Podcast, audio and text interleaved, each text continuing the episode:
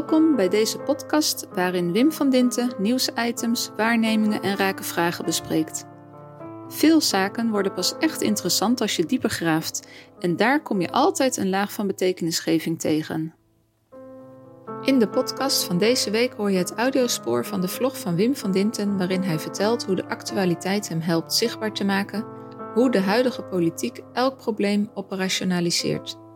Het lijkt alsof regeren het leiden van een bedrijf is. Men vliegt vrijwel alles aan vanuit game, waarbij sociale en evolutionaire betekenis verloren gaan. Als je dat ziet, heb je wellicht een antwoord op de volgende vraag: wat krijg je en raak je kwijt met jouw stem? Ja, goedemorgen, goedemiddag, goedenavond. Ik kreeg uh, te horen dat, uh, van iemand dat ze steeds ochtends keek en dat ze werd overgeslagen met mijn openingskreet. Goedemorgen Elisabeth, want je kijkt steeds ochtends. Ja, ik uh, heb natuurlijk weer deze week afgekeken wat er zo al langskwam. En ik zou het hebben over de verkiezingen. Dan kun je natuurlijk niet langs het fenomeen dat je afgelopen zondag een verkiezingsdebat had op RTL 4. Waar zes lijsttrekkers stonden en je daar uh, naar moest kijken. Dat heb ik ook gedaan. En ik probeer u mijn waarnemingen daarvan te geven, wat ik daaruit heb afgeleid. En dan begin ik eigenlijk met Wester, Frits Wester, die dat leidde, dat debat. En was een, een collega van hem die ervoor zorgde dat er steeds een burger was die een vraag kon stellen aan een lijsttrekker en dat mocht maar drie minuten duren. En het eerste wat me dan opviel, is dat die Wester dus zich bezighield met de grote dingen van de lijsttrekkers. En dat waren allemaal zulke enorme thema's, dat de burger eruit verdwenen was. Leven en dood, nucleaire centrales voor energie, opwekking, wie gaat het betalen, de COVID-problematiek, dat soort thema's, zulke grote dingen. En in die drie minuten zag je steeds een burger die een vraag mocht stellen aan een politicus. En ja, wat zag je dan? Dat die politicus daar eigenlijk geen raad mee wist. En dat in die opbouw van dat programma, meneer Wester, uh, eigenlijk ja, kennelijk vond dat wat hij deed met al die grote dingen en al die grote thema's, dat dat, dat het belangrijke was. Maar ik denk dat elke kijker die ernaar gekeken zal hebben, die confrontatie van de burger met de politicus als middel zag om te kijken hoe die politicus er nou eigenlijk uitzag en wat hij deed. En soms, soms begreep je dat niet. Of vaak kon je dat niet begrijpen. En ja, ik heb eigenlijk wel de neiging om uit te leggen wat ik dan zag. Dan moet ik toch mijn referentiekader bij blootleggen. Om te zorgen dat iedereen dat kan volgen, wat mij betreft dan. Er is, er is in een democratie eh, sprake van een wetgevende macht, een uitvoerende macht en een controlerende macht. Dat is het indelingje van meneer Montesquieu die dat ooit heeft opgeschreven. En die uh, controlerende macht die zit voor een deel bij het parlement en voor een deel bij de rechtsprekende macht. Nou, dan voel je hem eigenlijk al hangen dat die controlerende macht aan de kant van het parlement verdwijnt, weg is, als um, parlementsleden die lid zijn van partijen die een coalitie vormen in de, in de regering, dat die altijd ja moeten zeggen, altijd moeten bevestigen wat de regering zegt. En toen Pieter Omtzigt dan ook iets zei over Hoekstra als lijsttrekker dat, en als minister, dat hij dan wel een partijgenoot was, maar dat hij bleef controleren als parlementslid, echt als volksvertegenwoordiger zich opstelde, zullen heel veel mensen gedacht hebben, hey, hey, het parlement is met zijn controlerende taak terug. Dat zag je dus ook met Rens, Renske en uh, voor een deel met de partijleider van Denk. En de, je, je, je kunt dus zeggen dat het vervallen van de controlerende macht in het parlement dan voor een deel door de commissie van Dam, als ik hem zo mag noemen, zichtbaar werd gemaakt. Want ineens was hij er weer en legde bloot wat er mis was gegaan. Maar dan hou je ook nog over de rechterlijke macht die in de toeslagenaffaire en ook bij mensen die in Groningen problemen hebben met de vernieuwing van een huis of het oplappen van de schade. En bij de rechter gaan en ook nooit verhaal krijgen. Of mensen die protesteren tegen windmolens ook nooit verhaal krijgen bij de rechter. Ehm, je kunt zeggen dat, dat die rechterlijke macht uh, zich bezighoudt met het opstellen van wetten en wanneer de procedure goed is om een wet te maken en dat als de procedure goed is ook de wet goed zal zijn en de uitkomst prima is. En, en dan, dan ben je natuurlijk ook de rechterlijke macht als controlerende factor kwijt. Dus als ik er nu naar kijk, en dat zag je dus ook in dat debat terug, dan, dan zit in Den Haag, als je denkt aan de macht, dan zit die macht bij de uitvoerende macht. En dan is natuurlijk duidelijk dat de premier als, leiding van de regering, ehm, dat die dan daarin een dominante rol speelt. En dat als je elk probleem wat je dan tegenkomt operationaliseert, alsof het een bedrijf is, en dan ook nog van elk probleem dus een game maakt, wat ik eerder heb behandeld, game en play, een game maakt, wat uiteindelijk uitgaat over regels en systemen, ja, dan, dan zie je de situatie ontstaan dat elk probleem wat zich aandient, uh, in regels wordt gevat niet alleen, maar dat je daarmee ook het sociale element en het evolutionaire element, wat in de samenleving heel belangrijk is en dominant is in feite, dat je dat daarmee kwijtraakt, wegspeelt. En dan zie je hele bijzondere dingen. Dan zie je bijvoorbeeld bij het CDA dat ze een volksvertegenwoordiger hebben in Pieter Omtzigt, waarvan iedereen denkt, yes, dat is, wat, dat is echt nodig, die controlerende macht moet worden hersteld. En dat ze uiteindelijk dan kiezen voor een leider die heel operationeel is ingesteld en van alles een bedrijfsprobleem maakt en dat ook in zijn jargon, zijn jargon eh, ten horen brengt. Doorpakken nu, doorpakken. Waar, heeft de man over? Als je kijkt welke problemen er zijn. Maar het is te begrijpen als je als CDA in het centrum van de macht wil zitten en dan moet je bij de uitvoerende macht zijn. En dan kies je iemand die daarin gepokt en gemazeld is en met zijn McKinsey-achtergrond ook de taal heeft van de uitvoerende macht, maar tegelijkertijd midden in het probleem zit. En dan zie je ook dat als Christy Ronge de premier mag bevragen en zij hem voorlegt dat hij heeft gefaald en dat ze nu niet meer vertrouwt. En dat de problemen die hij heeft gehad en nog een heleboel andere veroorzaakt worden door het beleid van zijn kabinetten. En dat hij dat al heel lang doet zo. En dat hij dus dan ook moet accepteren dat hij die fout heeft gemaakt. Ze zegt het op een wat andere manier, ik vertrouw u niet meer. Dan hoor je Rutte praten over oplossingen. En dat ze het oplossen. En dat, ze, dat die mevrouw geen, geen frauduleuze aspecten heeft. Absoluut niet frauduleuze. En ook al die anderen niet. En hij is dus niet in staat het probleem te herkennen. Namelijk dat de overheid sociale betekenisgeving niet meer in de repertoire heeft zitten. Dat de overheid alleen nog maar game doet. Geen play meer heeft. Terwijl play de vorm is die je in het onderwijs wil terugvinden. Die je wil terugvinden in het toeslagenbeleid. Die je wil terugvinden in de zorg. Die je wil terugvinden bij gemeenten. Die je wil terugvinden bij het oplossen van de problematiek van mensen in Groningen. Ik noem dat operationaliseren. Je maakt van alles een, een vorm alsof je een bedrijf bestuurt. En het feit dat bedrijven zoals wij die dan kennen ook alsmaar game doen en geen play, is te begrijpen als je ziet hoe bestuurskunde en economie en bedrijfskunde maar één vorm van organiseren geven. Namelijk de ondernemer mag uitgaan van zichzelf, doet het zo efficiënt mogelijk en er wordt afgerekend op de vraag hoeveel winst hij maakt. Dan ben je het sociale en het evolutionaire wel kwijt.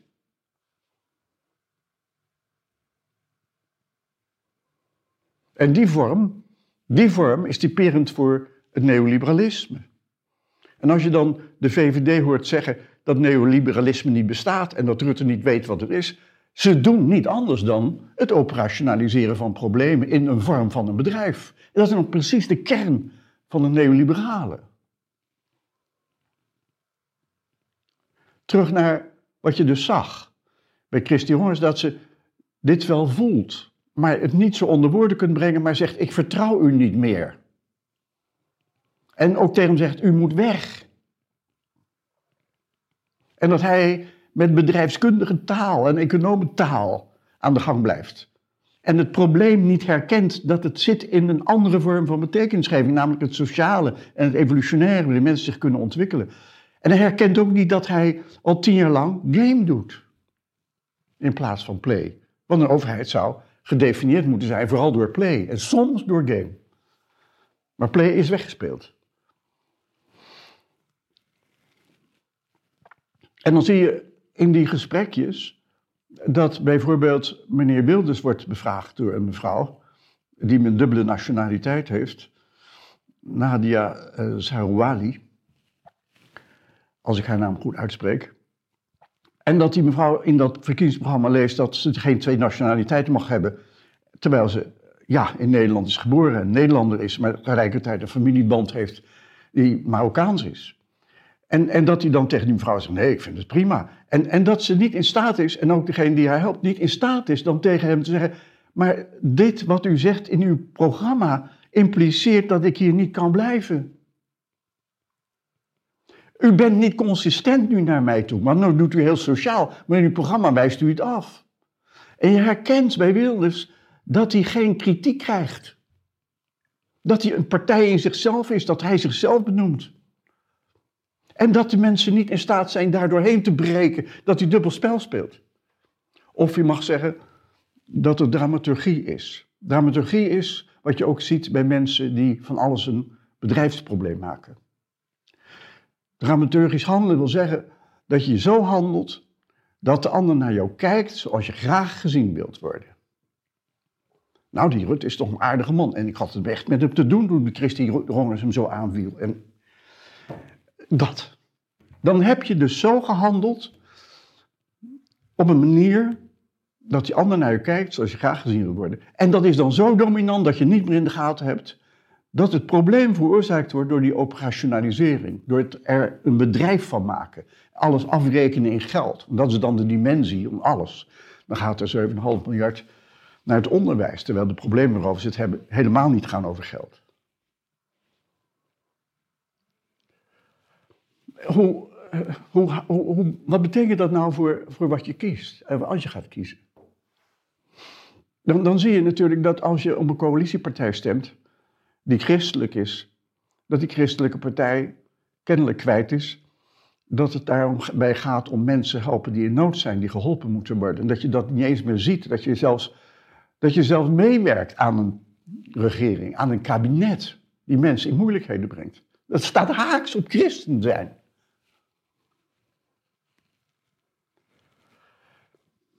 En dan, dan ben je blij dat je bij de uitvoerende macht zit, want daar gebeurt het. Ja, ook het verkeerde. Dus dan kom je bij een christelijke partij van ach en B en zielig uit.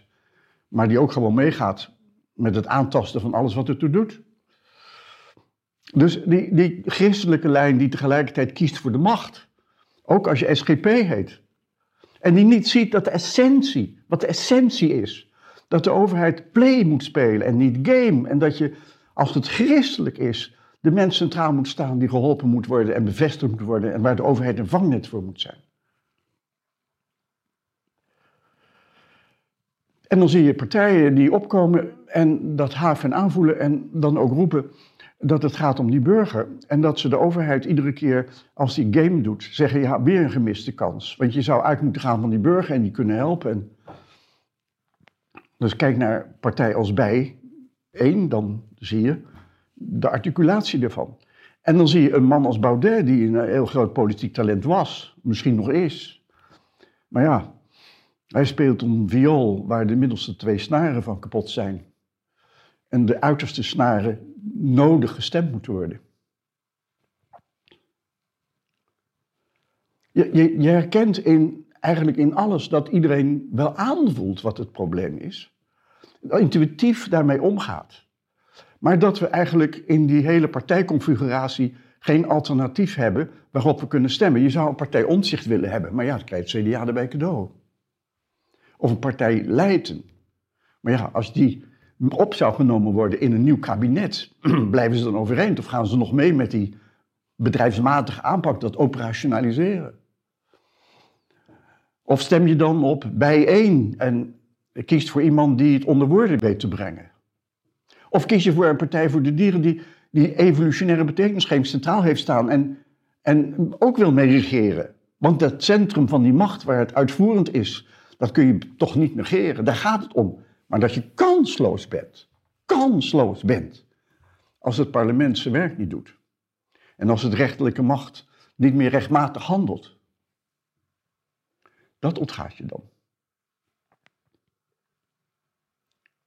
En daarmee is natuurlijk gezegd dat heel veel mensen die zeggen: Ik weet nog steeds niet waarop ik moet stemmen. Het zou al heel veel zijn als je herkent dat het herstel van de controlerende macht vraagt om parlementsleden die uitgaan van zichzelf en onafhankelijk zijn en niet zich laten dwingen in een harnas van hun partij. En dat je stemt op een partij die dat ook wil, die zich daarin manifesteert. Of dat je herkent dat die operationalisering zo dominant is dat je dat niet moet hebben en dat dat ook de kern van het probleem is. En dat de rechterlijke macht daaraan is gaan bijdragen door mee te werken aan wetten die niet meer uitgaan van het beschermen van mensen of wat passend is bij een situatie, maar die bevestigen dat de bedrijfsmatige aanpak, dat operationaliseren dominant moet zijn. En of je dan herkent dat als je er van alles een game maakt, dat je dan onmogelijk het toeslagenprobleem kunt oplossen. En onmogelijk Groningen kunt oplossen met de problemen die mensen daar met hun huis hebben. En dat je dan ook nooit toekomt aan een andere invulling van onderwijs en dat je denkt dat je het met geld kunt oplossen. Want dat is de bedrijfsmatige oplossing dan. Je kunt eigenlijk zeggen dat degene die niet stemmen ook een stem uitbrengen, want dan gaat hij ook naar Rutte. Of anders gezegd, zolang iedereen denkt dat die uitvoerende macht dominant is en van alles een operationeel probleem wordt gemaakt en bedrijfsmatige aanpakken wordt gedaan, en je bent het niet eens over een visie en je gaat in de regering zitten, dan is elke stem van elke partij die daarin wil gaan zitten een stem voor Rutte.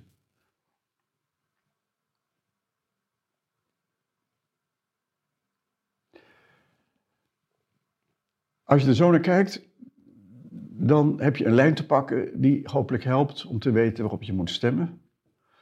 En dan zijn er ook nog partijen die iets roepen over COVID en hoe we daarmee verder moeten. En ik dacht, nou, daar zal ik het dan volgende week maar eens over hebben. Fijne dag verder.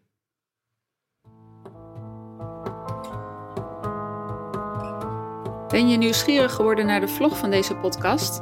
Klik dan op de link die je vindt in de omschrijving. Kom je iets tegen waar we met elkaar eens grondiger naar moeten kijken? Laat het ons weten. Stuur een berichtje naar czen, of via Facebook, LinkedIn of Twitter.